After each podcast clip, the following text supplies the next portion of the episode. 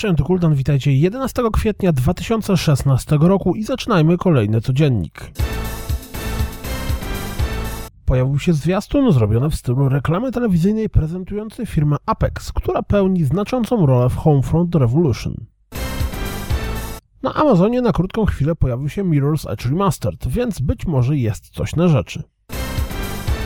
Dungeons 2, którego dawno temu recenzował Press, pojawi się na PlayStation 4 27 maja, a tego samego dnia na Xbox One pojawi się Tropico 5. Don't Starve Together, czyli koopowy wariant Don't Starve, wyjdzie z Early Accessu i pojawi się w pełnej wersji 21 kwietnia. Off-World Trading Company, czyli ekonomiczny RTS, który od roku jest dostępny w ramach Steamowego Early Accessu, 28 kwietnia będzie miał oficjalną premierę.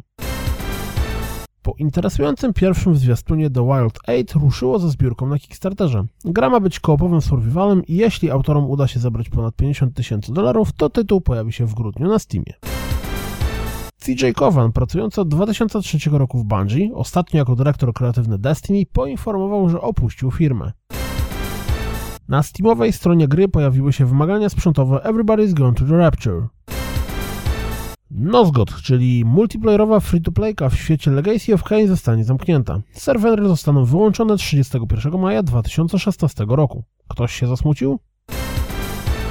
Wygląda na to, że w ostatnim update'cie firmware do PlayStation 4 pojawiły się również funkcje niezapowiedziane. Pełną listę znajdziecie w wątku na Reddicie.